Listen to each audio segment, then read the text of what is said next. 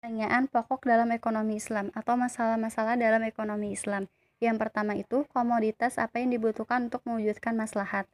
Individu dan masyarakat yang peduli maslahat akan memilih alternatif yang ada tentang komoditas barang atau jasa apa yang diperlukan, dalam jumlah berapa, dan kapan diperlukan, sehingga maslahat dapat terwujud.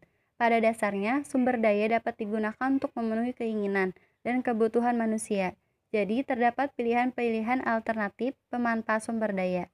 Ekonomi Islam akan memilih pemanfaatan sumber daya untuk berbagai komoditas yang benar-benar dibutuhkan untuk mencapainya falah. B. Bagaimana cara menghasilkan komoditas agar masalah tercapai?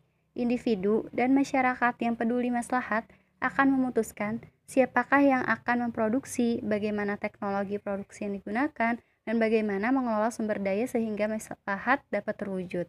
Kemaslahatan dalam produksi bisa terjadi sepanjang proses produksi, yaitu memilih input proses produksi hingga output yang dihasilkan. Produksi yang mengandung maslahat yaitu produksi yang menggunakan input halal, diproses secara halal, dan output halal. Yang C.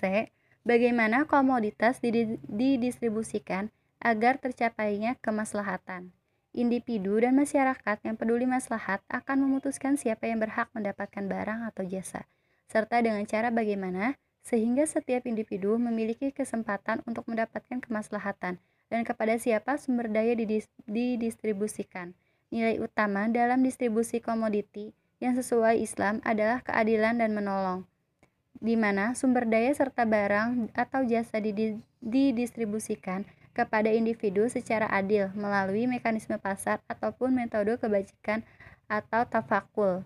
Misalnya, tidak menimbun barang, tidak mengurangi timbangan, sehingga setiap individu akan merasakan kemaslahatan dari komoditas yang diproduksi. Distribusi dalam ekonomi Islam melalui mekanisme non-pasar di antaranya adalah penerapan sistem warisan, wasiat, hadiah, sedekah, pajak, dan wakaf.